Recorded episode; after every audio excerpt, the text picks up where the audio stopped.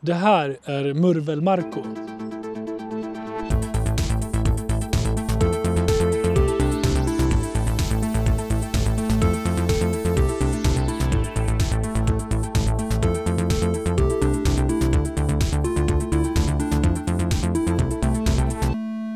En slipad diamant har rört sig i och kring den dödliga Rinkeby-konflikten med öppna ögon och sinnen.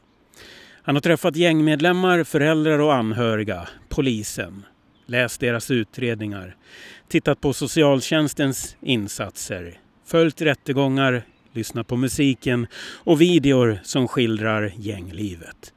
Det är genom sitt arbete, tidigare på Expressen och nu på SVT. Kartläggningen är samlat i bokform. En gripande, skrämmande och ögonöppnande skildring. Det surras redan om det stora journalistpriset när Tills alla dör av Diamant Salihu nämns. Ni möter honom i dagens Murvel Marco med mig, Marco Sävele. Ja du Diamant, det stora journalistpriset vore väl en skön juvel för dig? Ja, gud ja. Verkligen. Eh, det är, jag läste eh, Per Svensson tror jag som skrev det. Eh, så blev jag väldigt glad och såklart hedrad att ens, att ens omnämnas i ett sådant sammanhang. Men det är ju, ja, det vore en dröm såklart. Du märkte min ordvits där. Jag måste genast Ja. fråga, var kommer diamant ifrån? Eh, diamant kommer från, eh, i det här fallet, från Kosovo. Jag är född i Kosovo och eh, mina föräldrar kommer från eh, här, små samhällen ute på landet i Kosovo. Eh, eh, där man levde mycket på jordbruk och, och så. Och min farsa passade aldrig in i den världen. Han var född i, i en annan tid, i ett annat land mentalt. Jag lyssnade på rock och beställde LP-skivor från utlandet till byn och hade bergsprängare där. Och medan andra grannar lyssnade på folkmusik så lyssnade han på Bee Gees och Michael Jackson och Prince. Och eh, han tyckte att Diamant var ett passande namn och inte något så typiskt albanskt namn. Men jag har faktiskt träffat albaner som både äldre och yngre som också heter Diamant. Så jag är inte helt unik. Men, men betyder det något mer än diamant som, som juvel? Då? Ja, det betyder diamant som juvel. Eh, vi har lite speciella namn. Eh, granit, fast man säger granit. Det finns ju en fotbollsspelare som heter Granit Xhaka. Eh, så har du uran till och med. Uran. Så det är, jag är glad att jag heter Diamant. Hur, har ditt namn eh, eh, tagit dig genom livet? Har, Ja, men det, det brukar vara en ganska bra isbrytare. Eh, många som ställer frågor om mitt namn och så får man berätta om sig själv och ens historia, var man kommer ifrån. Och det tycker jag väl det är ett bra sätt att lära känna någon och bli också ett bra sätt för andra att lära känna en själv. där du har rört dig i, i den här skildringen av gängkriminalitet, har, ditt ursprung eh, som född i Kosovo och ditt utseende varit till någon hjälp?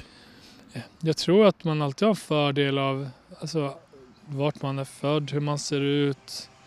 Eh, det kan ju också vara att jag är från Borlänge, vuxit upp i Borlänge, från, alltså, kan relatera till att vara från en mindre stad, känna ängar, eh, socioekonomiskt utsatt område.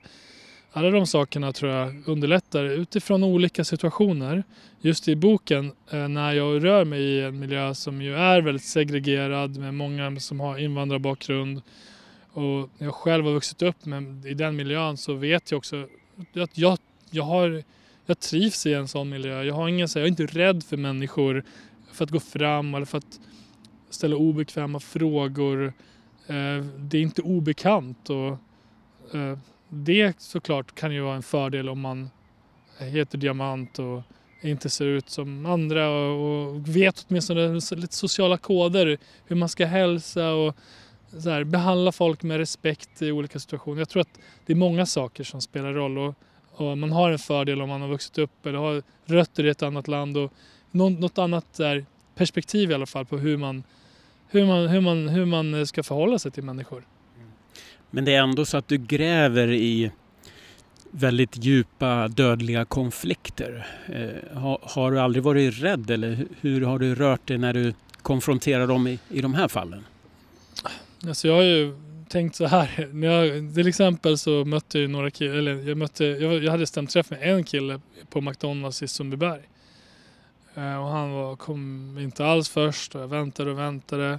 Och sen kom han till slut och så hade han med sig två kompisar som jag först inte visste ens vilka det var. Och, alltså, det är klart att man kan gå och vara orolig i en sån situation. Vilka är det som kommer? Kommer de vara farliga? Vill de mig illa? Samtidigt så är jag ju jättetydlig med att jag ju i egenskap av journalist som jag tar kontakt med de här personerna. För att jag vill berätta en historia som de har information om. Och jag kan inte ha den instinkten att jag ska vara rädd utan den journalistiska instinkten måste ju vara här vill människor berätta sin historia eh, och jag måste försöka möta dem på deras planhalva för att få höra den historien. Och jag kan inte utgå ifrån att någon vill ha ihjäl mig eller skada mig. Det får inte vara en sån grundinställning när man träffar människor, även om de i samhällets ögon är farliga. Vi åker till krigsområden eh, och träffar människor som, som eh, står vid fronten och skjuter eh, också. Och sen åker vi till andra sidan och träffar motparten som skjuter tillbaka. Som ju på olika sätt kan vara jättefarliga men ändå kan bemöta med respekt i det uppdrag man har just då. Iklär du dig någon i, din yrkesroll någon, någon liten superhjältemantel som du har med dig och, och, och, som du kanske inte skulle ha privat om, om du inte var journalist? Jag tror att det är klart att jag, jag, jag är nog, privat är nog lite mer kanske skulle jag själv påstå introvert än vad jag är i mitt yrke. Där jag sätter på mig min journalistmantel om man kan kalla det så. Um, men när jag bestämmer mig för att nu ska jag försöka ta reda på någonting här. Då, då är jag ju reportern som tvingar mig själv att ringa de här samtalen som är jobbiga. Eh, ringa igen även fast någon blir sur och jag lägger på luren. Eh, ja, smörar. Eh, jag använder alla tillbudstående medel som jag kan eh, för att få till en intervju, för att få till ett möte. För att ett möte är ju framförallt det som ofta leder till något djupare samtal och att man verkligen får ut det mesta av, av det. Så jag har verkligen försökt i de flesta fallen träffa folk. Men, men, hur dokumenterar du e-, ett sådant känsligt fall som Rinkebykonflikten? Liksom, du kan inte bära med dig så mycket utrustning tänker jag och, och, och kanske inte kameror heller ens. Nej, eh, en del har jag, eh, Ehm, alltså jag har velat, jag har spelat in jättemycket intervjuer. Eh, och då, de gånger de inte har velat att jag spelar in, då har jag tagit fram ett block och börjat anteckna till exempel på McDonalds när de inte ville att jag skulle spela in deras röster så tog jag fram ett block och så antecknade istället och du vet, så här, bara fortsatte anteckna det de sa för att det skulle vara tydligt att jag jag bara, det här kommer jag kunna använda. Jag, jag, måste, jag måste komma ihåg ganska ordagrant. Och sen åkte jag tillbaka och bara skrev direkt alltså så här, allt jag kunde utifrån mina anteckningar och ur minnet. Eh, för att eh, ha det färskt. Eh, andra gånger har jag spelat in eh, och suttit och transkriberat. Ehm, eh, I vissa fall lyssnat för att eh, försöka skapa mig en bild av saker. Men varför valde du bokform? Du nämner en av, eh, i, i boken så nämner en av gängmedlemmarna att eh, du borde göra en film istället.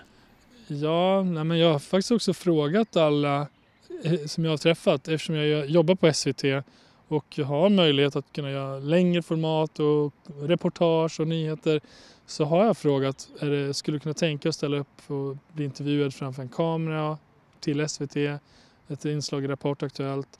Och då har jag väldigt många eh, uppenbarligen sagt nej för som jag, inte har gjort. Jag har gjort några jobb faktiskt under den här tiden som jag kommit eh, ur att jag har träffat intressanta människor som, eh, som jag tänkt det här, det här funkar ju till ett reportage i Aktuellt. Även om jag kanske inte använder det i boken det här, så funkar det till det här formatet. Så eh, ja, många av de här personerna är ju, har ju verkligen, det har ju varit enormt intressant att få träffa dem och få lära, lära mig om samhället från olika perspektiv. Varför ville du göra den här boken? Eh, för att jag tyckte att det behövdes. Den här historien behövdes berättas i den här formen i ett mer, eh, mer så här ovanifrån perspektiv. Så här, vad är det som har hänt? Eftersom jag själv inte ens visste, eh, alltså höll reda på morden längre. Eh, och jag ville veta hur det hade börjat. Eh, jag ville också förstå varför det kunde ha blivit som det har blivit. Eh, jag ville förstå det är en sån drivkraft jag alltid har när jag vill förstå varför någonting har hänt. hur kunde den här unga killen som ju var ett skolbarn någonstans som var bråket i, i klassen men ändå ingen kunde någonsin ana att det kunde bli så här. Hur kunde den personen några år senare bli, eh, gå till att knivråna taxichaufförer till att också dömas till dubbelmord och vara misstänkt för flera andra mord hela den här processen är ju det som jag ty tycker framförallt är intressant och som ju är den, det som framförallt gör att jag är intresserad av, av de här frågorna. Det är inte krimjournalistiken utan att försöka förstå eh, hur det har blivit så här. Vad har du mött för respons efter boken kom ut här i april?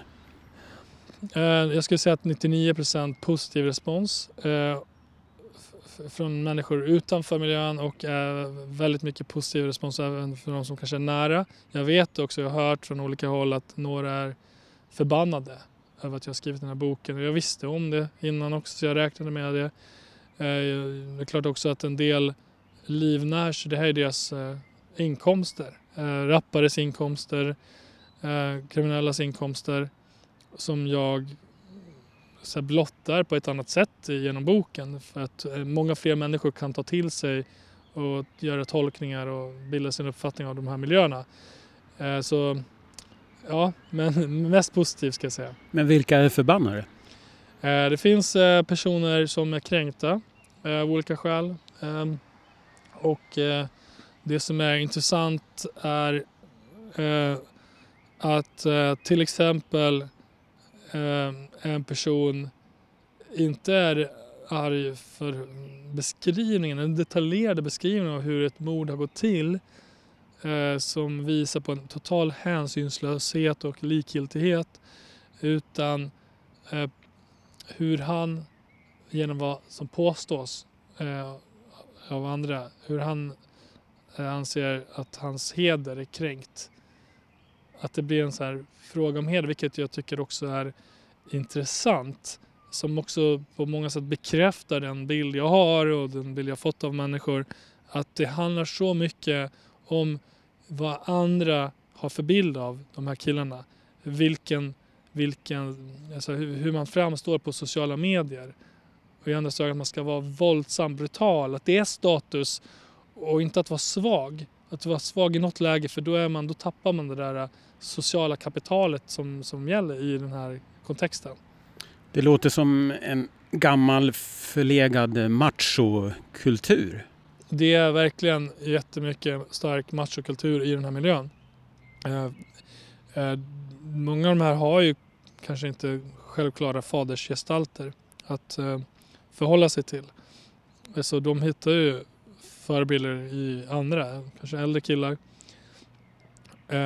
Och det är ju Ja, det blir ju ganska destruktivt om de personerna råkar vara sådana som ju ser det här som en karriärväg. Ja, kontrasterna är stora i Stockholms förorter. Just nu kanske du anar lite ljud i bakgrunden, lite fågelkvitter, man kan höra barn springa i en park nedanför det skogsparti och uppe på en kulle där vi sitter i, i Älvsjö, eller närmare bestämt Fruängen och eh, Långbroparken som vi blickar ut över. Sverige har öppnat upp så sakteliga. En del har kanske sin första AV, kanske avverkat den första kramen och sommaren är här och förhoppningsvis så är pandemin i det närmaste över. Några kilometer härifrån så har vi förorter som Vårby, Alby, Fittja och så vidare. Och om vi ger oss norrut mot Rinkeby och Järvaområdet så är kasten väldigt tvära från fint klippta gräsmattor och bara på andra sidan staketet så möter vi gråbetong och miljonprogrammen. Hur reagerar de människor du möter i i de här utsatta områdena på den segregation som råder i Sverige? Om man går till den ena sidan av det här staketet som du beskrev, som ju där är Bromsten, där det är radhus och eh, många har arbeten. Eh, de, även fast det är personer som själva har invandrarbakgrund, så ser de det, det som händer på andra sidan som ett totalt misslyckande i form av en misslyckad integration. Eh, för de, har ju, de vill ju själva inte att deras barn ska gå på de här skolorna fast de ligger nära. Fast det är ganska ofta Eh, skolor som är väldigt fräscha, nybyggda, fina lekparker och så vidare. För att de är rädda att deras barn inte ska lära sig svenska lika bra. De ska komma med en brytning. Eh, och om man går till den andra sidan av staketet och möter de här människorna som bor där själva så tycker de också att det är en total eh, eh, misslyckad integration för att de ju de ville ju såklart träffa svenskar om man kan säga så. Eh, men träffar inte förutom lärarna kanske i skolan. Jag, jag träffade en mamma som eh, för att hennes barn som är födda i Sverige ska prata så, här, så att säga, ren svenska och möta barn utanför området aktivt måste söka sig in till stan på aktiviteter. För de aktiviteter som ordnas lokalt är med samma barn som barnen möter i skolan. Det här är, ingen tycker att det här är bra.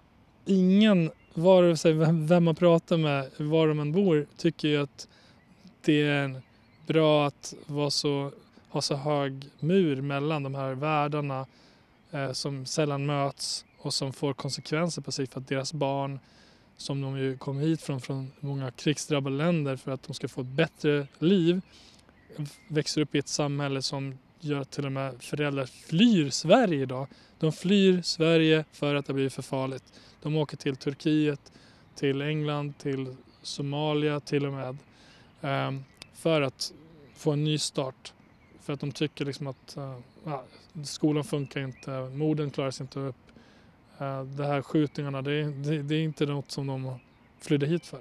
Men de som har valt brottets bana, det bottnar väl ändå att de någonstans vill därifrån. Som du nämner vill de ju också uppnå respekt och, och lite prestige. Men eh, det är ju få som kommer därifrån eh, helskinnade. Hur tänker du då?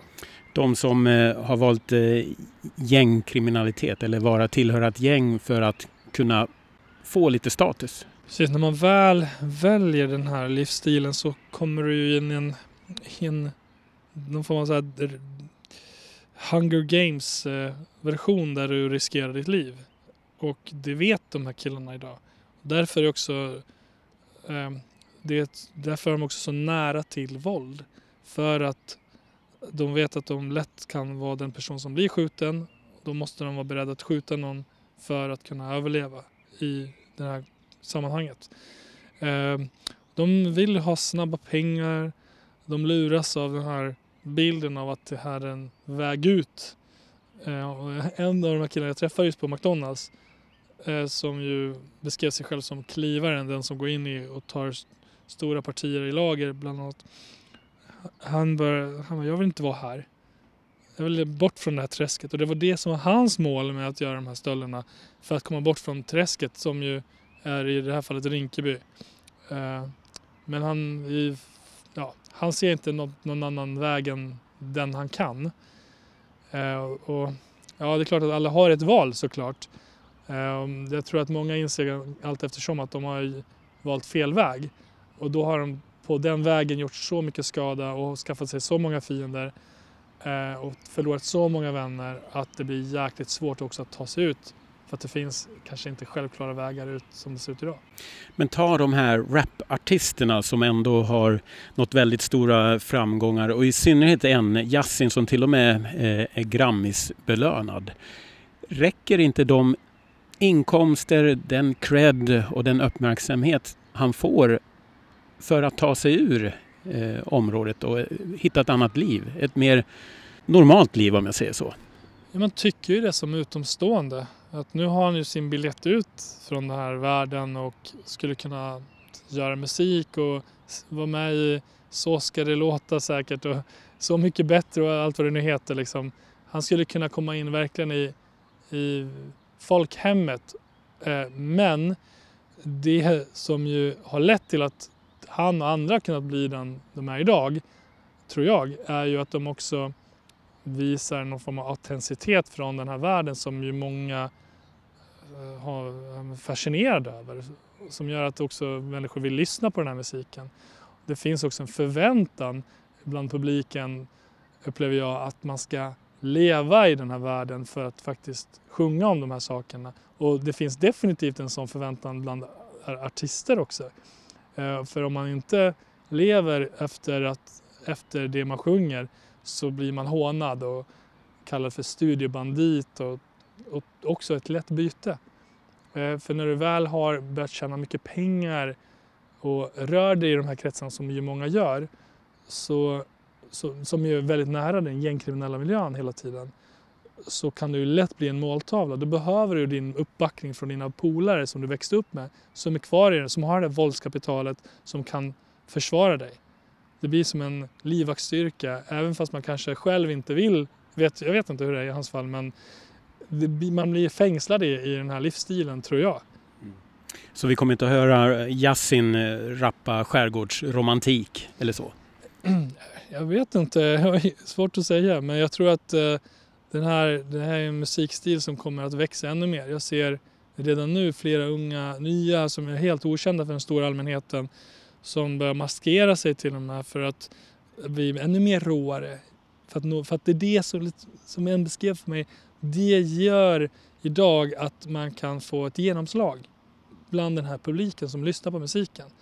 Och eh, vi kommer väl se liknande utveckling som den i USA där sådana som är så här gängrelaterade drillrappare, gangsterrappare har gjort samarbeten med superkändisar.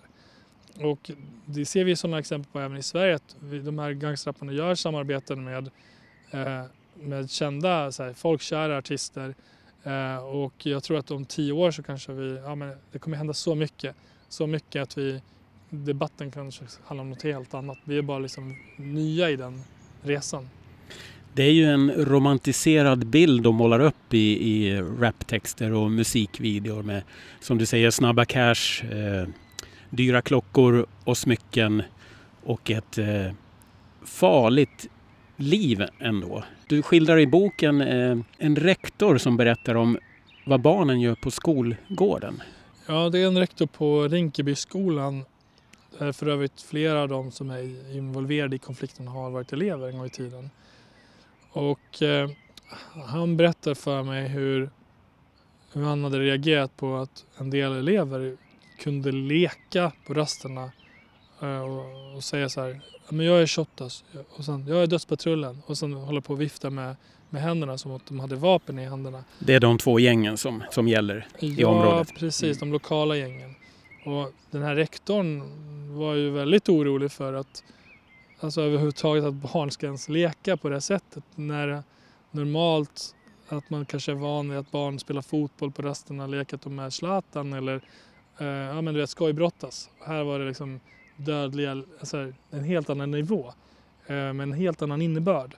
Och att det finns en oro för att just de här barnen ser upp till de här lokala profilerna som får mycket uppmärksamhet, som omskrivs i tidningar och syns i nyhetsinslag och där artisterna ju är frontpersoner för de här sidorna.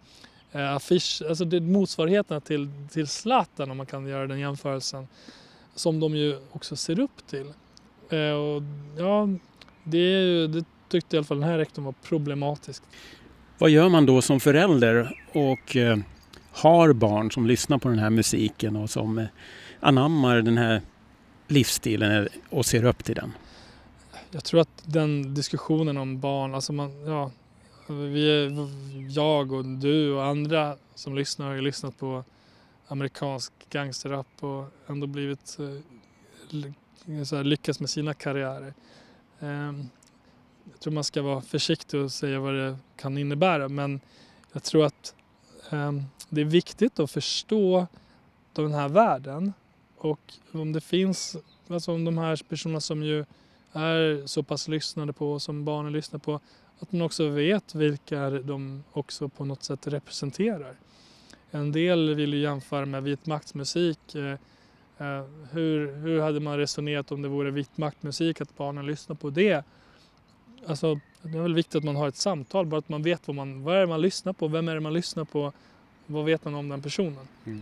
Men i slutändan är det ju ändå pengar som hamnar i kriminellas fickor. Ja, eh, ja vad ska man göra åt det? det Jag ställer inte dig till svars ja. på något vis men, men, ja. men man ger dem väldigt mycket uppmärksamhet. Eh, streaming ger intäkter till slut och de tjänar en mycket pengar på det här livet. Ja men är inte barnen, de vuxna som lyssnar på musiken som får vad de vill ha? Som ju en av rapparna eh, jag har sin låt Pistol Whip som ju, det kommer faktiskt Yasinbyn in i den låten och säger just det ni ville ha den här gangsterskiten. Eh, och det, det, är precis det som publiken får. För just Yasin, om man ska prata om honom, när han ju släppte någon annan skiva så fick han ju kritik bland fansen för att den var för poppig. Man vill ha tillbaka den gamla Yasin. man vill liksom ha den här råheten och närheten till, till gänglivet. Så vad har då lyssnarna för ansvar egentligen? Då kan man ju börja liksom fundera och moralisera över det istället. Man brukar till deras försvar säga att man ska skilja person från verk. Eh, vad tycker du om det? Som journalist så kan jag ju, kommer jag alltid att försvara yttrandefrihet. Och eh, just den debatten är någonting som jag tänker att eh, debattörer och kulturjournalister kan få ägna sig åt. Jag som reporter håller mig gärna långt borta ifrån den och tänker på att ta fram så mycket fakta jag bara kan och så får andra skapa sig sin egen bild.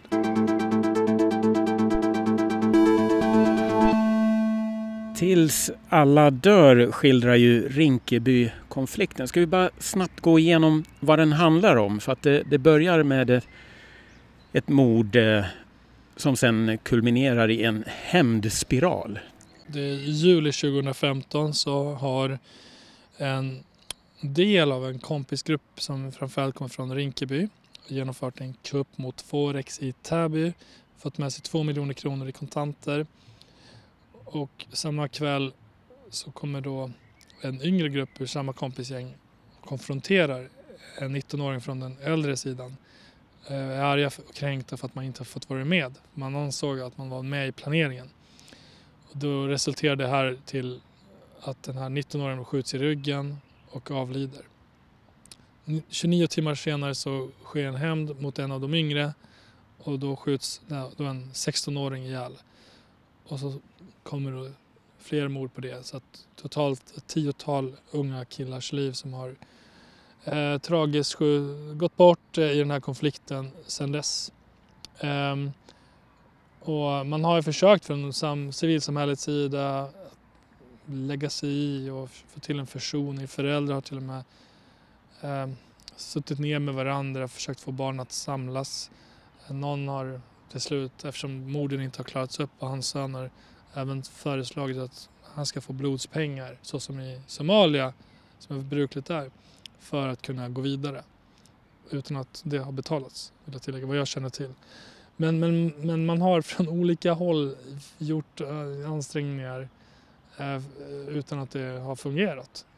Ehm, jag tycker det är intressant att ändå de här sakerna sker i och det är problematiskt enligt många poliser som jag har pratat med som ju ifrågasätter varför man ens ska acceptera att civilsamhället ska ens kunna ha slutna möten om de här frågorna utan myndigheter närvarande. För att det menar poliser eh, skickade signaler utåt att eh, vi har löst det här. För polisen tolkade det så för att det var ingen som ville vittna.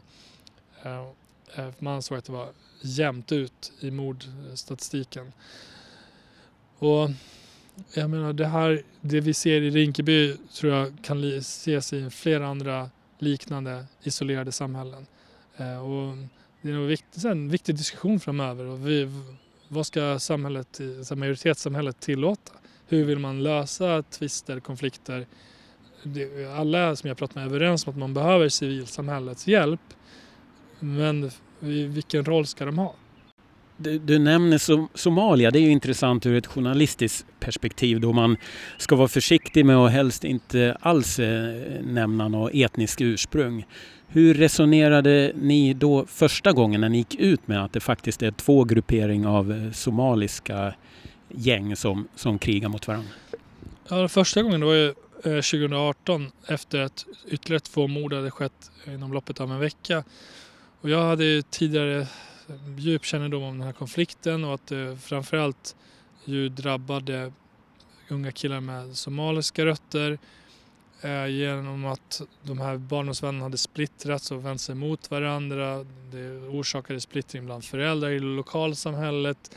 Krismöte efter krismöte med föreningar inom det somaliska communityt som hölls utan att det hjälpte på något sätt. Eh, och det var det jag ville skildra i det här liksom hur, or, hur oron spred sig bland den, eh, svensk-somaliska communityt i, i området. Och då var det ju den gången många personer, alla möjliga, som reagerade och eh, tyckte att det var eh, fel att nämna etnicitet i det fallet. Eh, det gjordes flera anmälningar till granskningsnämnden som friade inslaget för att det ansågs vara relevant i det här fallet. Och i boken så, så har jag tagit, alltså jag försökt berätta det så sanningsenligt som jag bara kunnat. Eh, vad, är för, vad är det som är intressant? Jag har inte haft någon hypotes, nu ska jag bevisa detta. Utan nu ska jag försöka förstå den här konflikten. Och i det är det att det är precis som jag sa har börjat med många inom det somaliska communityt som har varit barndomsvänner som har gått i samma klass, vars föräldrar har umgåtts, som går till samma moské. Det är så många olika knutpunkter mellan de här olika personerna eh, och som också har gjort att man, kusiner har dragits in och fått ta ställning i konflikten. Äldre syskon. Eh, och jag berättar det jag vet. Och i just den här historien, just den här konflikten är relevant. Om man hade skildrat en konflikt i södra Stockholm så hade det varit hade det liksom inte gått för att det är helt andra etniska grupper som samlas framförallt i, om man pratar om Vårbynätverket, så är det mycket mer mångkulturell eh, etnisk grupp om man ska beskriva det så. Eh, eller Göteborg, det ser annorlunda ut runt om i landet. Just här är det relevant tycker jag. Mm. Finns den här konflikten kvar? Den här konflikten är pågående och det hetsas i detta nu på sociala medier.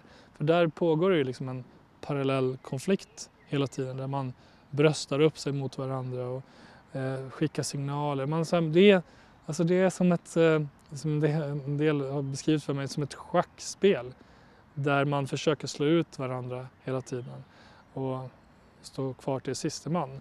Och eh, eh, även det är ju, en del av spelet sker ju just på Instagram och man lägger ut eh, bilder, man likar någons bild, man, man blockar någon person man, man lägger ut eh, kränkande videos på varandra.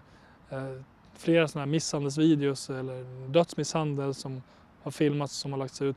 Allt det här ingår i liksom ett, ett eh, sociala medier-krig som de också måste vinna för, för att om man inte syns där, om man inte har mycket följare, om man inte äger den plattformen så, så är man heller inte starkast. Och bokens titel antyder ju att det här har inget slut utan det blir först tills alla dör. Ja, precis. Det är deprimerande. Ehm, och jag har själv eh, funderat mycket så här, finns det något slut? Och jag får den här frågan väldigt mycket. Och jag, jag ser bara hur unga killar hela tiden sugs upp av de här äldre och utnyttjas och begår ännu grövre brott. Och det är som att det har blivit någon form av status bland yngre nu som, som söker sig till den här miljön. Att, de, att, att vara mördare har blivit status. Och det tycker jag är oerhört skrämmande. Ehm, så att om, om det här eh, inte ska fortsätta tills alla dör så måste man ju verkligen göra mycket insatser på alla nivåer för att, eh, för att ta bort den här nyrekryteringen. Och vi ska säga att det är inte du som säger tills alla dör utan det är faktiskt ett citat från en av gängmedlemmarna. Ja, precis. Det är en rappare som under ett polisförhör får frågan hur länge konflikten ska pågå och svarar då eh, att eh, tills alla dör. Vad bra ljudkuliss vi får nu när, helikoptern kommer eh, surrandes över oss när vi pratar om hur länge konflikten kommer att pågå. En sak som jag slås av när jag har eh, tagit del av din bok, det är var är kvinnorna i den här världen, i det här gängkriget? Vilken position har de? Som jag kan se i den här konflikten så har en del, framförallt ja, men, kvinnor, ehm, eh, eh, viktiga roller och det är ju möjliggörare av brott. Eh, jag hittar inte jättemånga sådana exempel men några få. Det finns exempel på en flickvän som, som ordnar bostad till de i ena sidan av konflikten där de kan gömma sig och bo. Eh, och sen finns det en syster och en mamma som, som sen också döms för grov penningtvätt för att de hjälper sin bror och son att, att eh, eh få föra över pengar via Havala-transaktion bland annat. Eh, och även eh, håll, eh, så här, hantera en bil som har kommit eh, enligt vad polisen bedömer som ett brott. Eh, de, de finns där men de har inte det här, de här kärnfunktionen när det gäller att utföra det grova våldet utan det gör killarna, de unga killarna. Eh, och jag ser dock inte så här, alltså det är klart att de här, det, det dras sig tjejer till dem och, som flickvänner och det, det blir någon form av så här som det alltid gör. Det, är, alltså det, det bara, man ska ju kunna kolla de som hamnar på Kumlaanstalten och se deras brevbox. Så jag har ju rapporterat mycket om så här, hur, hur tjejer, kvinnor söker sig till de här, skriver brev och ibland gifter sig till och med med de här grovt eh, kriminella. Eh, men jag ser inte att tjejer har liksom den, de viktigaste rollerna. Det är ju också ett liv som trots den här romantiserade bilden har en mörk baksida. Jag tänker på gängmedlemmar som eh, tvingas eh, kolla över axeln en extra gång. De bär skottsäkra västar. Och vid ett tillfälle så skildrar du en kille som kastar sig ner på golvet när det kommer en moppe utanför hans fönster, vilket visar sig vara brevbäraren. Mm. Hur är det att leva under den pressen? Jag har pratat med flera personer som beskriver att de vaknar mitt i natten. En sa att han kunde vakna och skrika på nätterna. Um, och jag vet också från Passus som ju jobbar med avhopparverksamhet för Fryshuset. Eh, de har ju liksom många avhoppare som de har hjälpt under åren och de beskriver att ganska många av dem har eh, PTSD-liknande syndrom. PTSD-liknande symptom.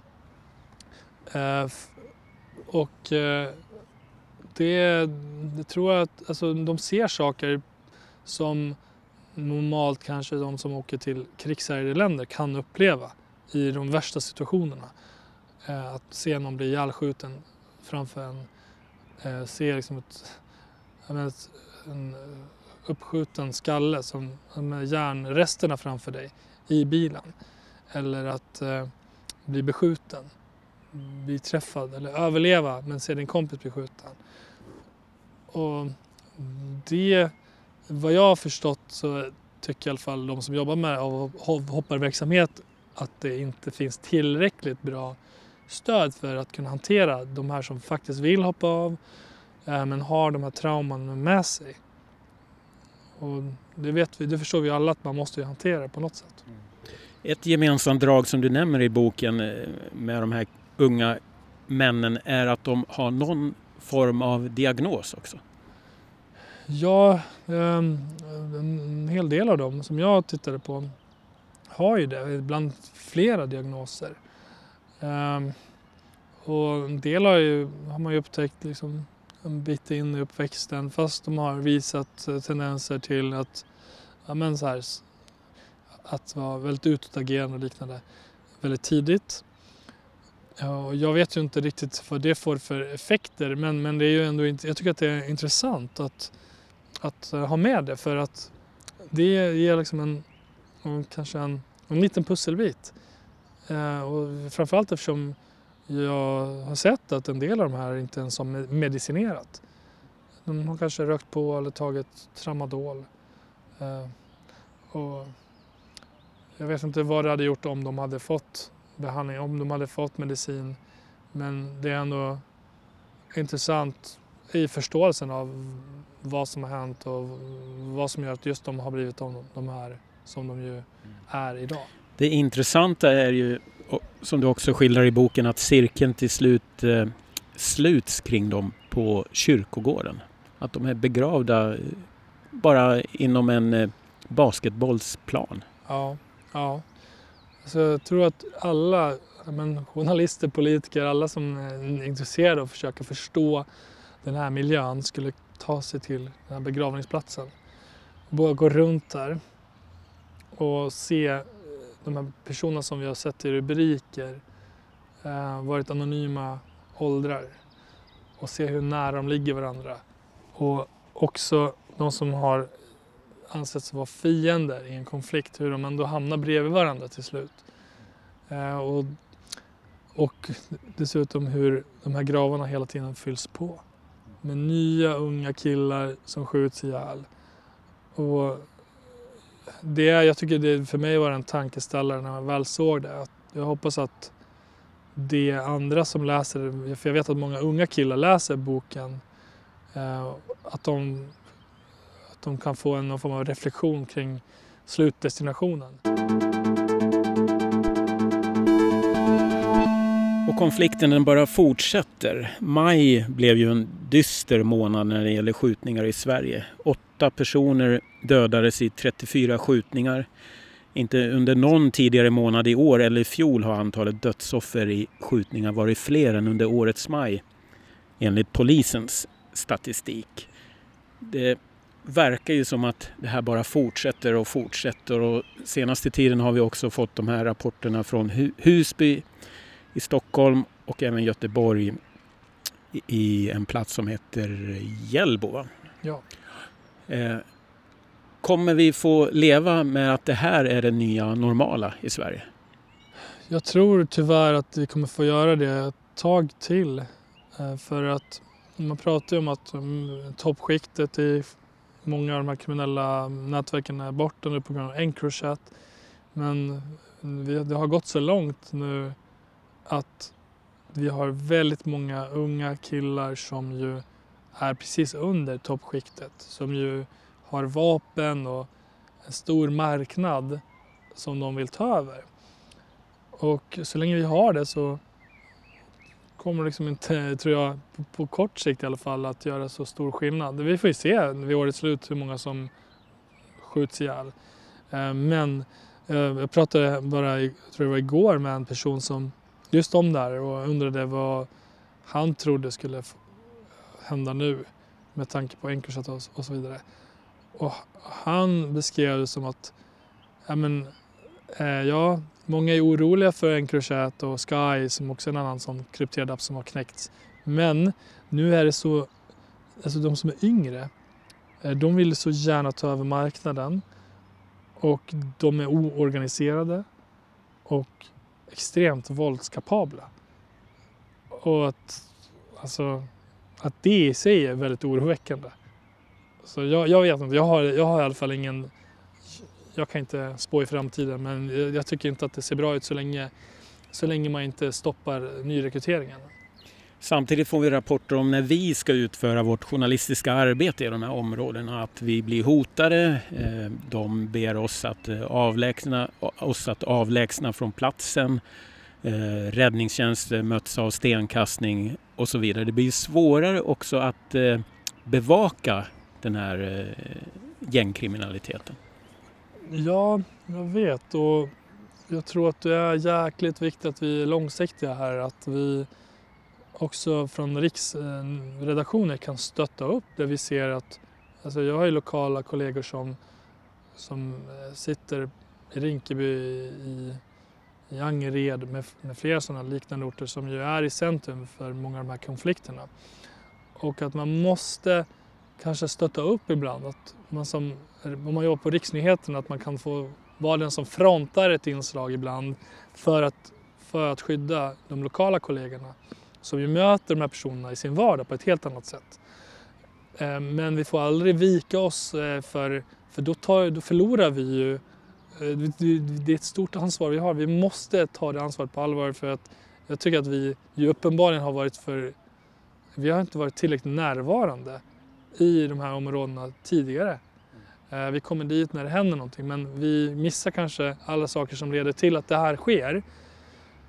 Eh, och vi måste, vi måste satsa på den typen av journalistik som hjälper människor att förklara och också fångar upp de här frågorna. Hur har det kunnat bli så här? Skolan, eh, hur kan vi ha ett så starkt eh, eh, parallellt samhälle? Hur kan vi, vad gör vi åt eh, hedersfrågorna. Mm, alltså allt det där måste vi alltså gasa. Vi, måste, så här, vi får inte backa nu.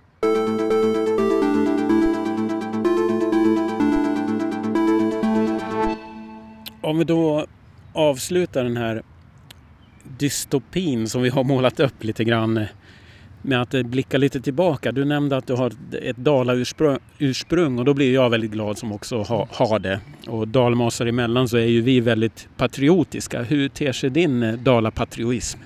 Oj, alltså det håller jag verkligen med om att vi är patriotiska och det märker jag så fort jag träffar någon från Dalarna så blir det blir som ett, ja du vet som att man bara bondar bara av det skälet. Och man börjar fråga sig, känner du den och den ja, och den? Ja, och så här. ja, vart har du spelat, vilken skola gick du på? Eh, och det här är starkast såklart om man är från Borlänge. Eh, alla, alltså det spelar ingen roll vem man träffar, var man träffar som råkar vara från Borlänge, då har man liksom en, en, ett lojalt band. Även om man kanske inte skulle hälsa på varandra i Borlänge, men om man träffas eh, utomlands eller i Stockholm eller var det må vara, så har man liksom en, en eh, kamrat, ett eh, starkt band med den personen för att man har så mycket gemensamt.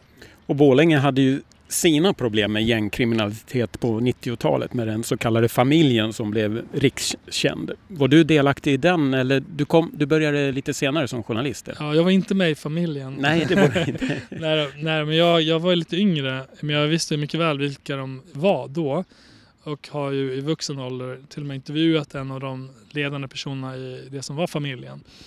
Eh, men alltså man kan ju dra en referens till hur det påverkade mig och min generation att vara ifrån Bålänge och, och få frågor om familjen och, och alltid så prata med varandra med så lite titta sig bakom ryggen och så familjen. Eh, för man, man hade så pass, eh, det var så mycket skräck kopplat till det för man ville inte reta upp någon. Eh, och många, som vi sa, när man träffar någon från Bålänge så är det en sån gemensam nämnare som man kan prata om och relatera till var man än träffas. För alla har något minne. Det är som, en, som ett, ett terrordåd nästan. Man, kan, man kommer ihåg vad man var eller vad man gjorde. Det har satt, satt sig djupt i, i ens eh, undermedvetna eh, den här tiden. Och när, eh, Eh, när jag tänker på de här som ju är involverade i den här konflikten och i Rinkeby till exempel där ju det växer upp en generation som är vana, som tycker att det är normalt att det dör människor i vapenvåld gång på gång. Och det här finns det platser vid, en pizzeria, en annan restaurang, eh, på vägen till skolan och så vidare och så vidare och så vidare. Alla de här traumatiserande platserna, vad, vad gör det med en ung generation? Om jag och min generation som växte upp i Bålänge under helt andra förutsättningar och helt andra problem liksom där, där de sköt inte ihjäl människor. Eh, men ändå har det, har det påverkat oss så mycket att vi kommer ihåg det så väl. Vad gör det med de som lever där idag? Jag vill att man ska tänka på det och förstå, eh, försöka relatera till det på något sätt. Nu är det dags för det programenliga testet. Ja, Snabba Cash var ju en eh, stor succé på Netflix och eh, tycker du den är autentisk? Jag tyckte att en del av dialogen var autentisk. Eh, det var en del uttryck som, som de fångade väldigt väl och man förstod ju att det berodde mycket på skådisarna som kom från de här områdena var uppdaterade. Eh, till och med en rappare som ju har rört sig nära en del av de här personerna som jag skriver om eh, som hade en viktig roll i serien. Sen, ja, sen har den liksom sina brister Eh, men i stort var den ju så, dramaunderhållning, absolut. Ja. ja, det är roligt att du nämner jargongen för det är ju lätt att man svänger med de här orden efter en eh, populär serie med Jalla, Valla och, och Mm. allt vad som nämns i den. Inte för att förminska det eller, eller förlöjliga det på något sätt utan jag tror att jag hade reagerat på samma sätt om det hade varit en nordmakedonisk hypad serie så hade jag säkert svängt med något från, från det språket.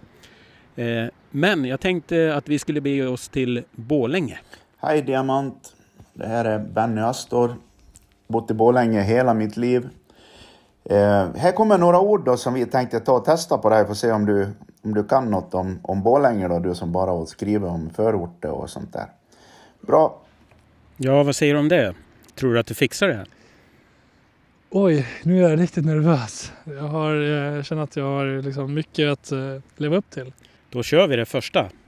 Eh, och för er övriga som inte känner till Benny Astor så kan jag säga att han är en mycket känd eh, Borlänge-musiker och har även ä- ägt en krog i, i Borlänge och dessutom frontfigur i, om ni minns det klassiska, ska vi kalla det reggae-popbandet Apocalypse. Och hans dotter är gift med eh, en kompis till mig. Ah, du ser. Mm. All, allting hänger ihop i Borlänge. Ja, ja Borlänge. Då kommer första frågan. Vad betyder tarrsäng? Ja, gud. Nu skulle jag behöva ringa en gammal kollega till mig. Får man göra det? Säga. Som hade en, en spalt som hette Tunhuken i Borlänge Tidning. Okej, vad var det för Jan, spalt? Janne Korsgren. Nej, men han, han hade ju något så här riktigt eh, mål som han skrev på som ingen annan förutom de som hade det målet kunde förstå. Eh, vad var ordet igen? Jag, jag kan, nej jag, jag vet inte. Jag måste bara, jag vet inte ens vad det där var för någonting. Jag kan ju försöka. Tarrsäng. Tarrsäng. Tarrsäng. Oj. Tarrsäng. Ja, jag vill ha en gissning i alla fall. Ja men gud vad svårt. En tarrsäng. Det måste ju vara någonting. Jag antar att det är något med säng. Eh, halmsäng kan det vara? Tarrsäng är eh, våningssäng. Såklart, det hörs väl? Ja, mm, nej. det har jag aldrig hört. Det, det är tydligen, om man googlar på det så är det väldigt vedertaget, åtminstone i Dalarna, som, som en slags våningssäng med draperier och sådär kan man ha. Ja, men jag kan ju försvara mig med att eh, mina föräldrar pratade liksom inte riktigt det språket. Så jag, jag hann aldrig lära mig det till mitt försvar. Men du vet vad tarrsäng är? Ja, ja, nu är jag. Våningssäng. Ja. Det kommer jag aldrig glömma. Den här kan vara lite krånglig. Vad betyder i å är ö? Jo. Alltså hur ska jag kunna det här? Ni har tagit eh, så svåra ord. Eh, Kan man få höra en gång till? Det där var så svårt. I å är ö. I ån. I å. Alltså jag, jag får gissa nu för att det där är, det där är liksom över min... eh, Ja, jag kanske inte är tillräckligt dalmas ändå alltså. Det här kränker min, min, min Oj. stolta patriotiska sida. ja, jag ser en sårad dalmas Ja, framför jag mig är här. jag är jättesårad. En Eh, i Å exilmas. och, eh, Jag skulle jag får gissa att i Å... eh, I Å... Ja, men jag vet inte. Första tror jag... I ån kanske. Någonting med ån. I ån, där finns det en Ja. ö. Ah! Ja, men alltså jag, jag, var, jag var på Ja, väg att jaha. säga ön. Ett halvt rätt tycker jag man kan ge. Ett halvt rätt. Å och ön. Ja, Ja. då tar vi nästa. Vad betyder den här då? Jo då, ser du så att så är det, ser du. så där, det är klassiker. Jo, det är så att så är det ju. Eh, ja, men hur ska man översätta det? Det där vet ju alla vad det betyder, eller? Eh, Ja. Men eh, svåröversättligt. Jo, men jo, då så att... Att... Hur ska jag översätta det? det? Det är bara något som man vet att vad det innebär. Det är typ sånt man säger på kafferasten och, och man bara... Ja, men så att man inte har något mer att säga i princip. Eh, Ja, så man fyller ut Ja, något tomrum sådär, varför- liksom, för att gå vidare eller lämna platsen. Ja, men lite så. Så mycket möjligt att det kan vara så. Ja, Vi lyssnar. Jo då ser du att så är det, ser du. Ja, det var väl svar på, tycker jag. ja men jag tycker det. Det där, Det där måste jag få rätt för. Ja, det tycker jag. Tack, Absolut. tack. Härligt. Hur, hur var det att höra lite Borlänge-mål sådär? Alltså, jag blev helt varm i kroppen. Jag saknar eh, Borlänge redan. Härligt. eh, Det har varit kul att eh, ha dig med här i Murvel, Marco. Musiken den är gjord av Emmon, bilderna tagna av Henrik Montgomery. Grafiken ritad av Johan Hallnäs. Och jag vill passa på att puffa för en annan podd som jag också driver vid sidan av som heter Snuten och Murven. En podd jag gör tillsammans med eh, den kända segwaypolisen Mikael Doktorn Eriksson. Och vi pratar om olika samhällsaktuella ämnen med eh, två infallsvinklar i en och samma podd. Tack för att ni har lyssnat och eh, tack Diamant! Tack och tack till eh, Benny. Eh, det där får du, eh, vi får gå en språkkurs när jag kommer till Dalarna nästa gång.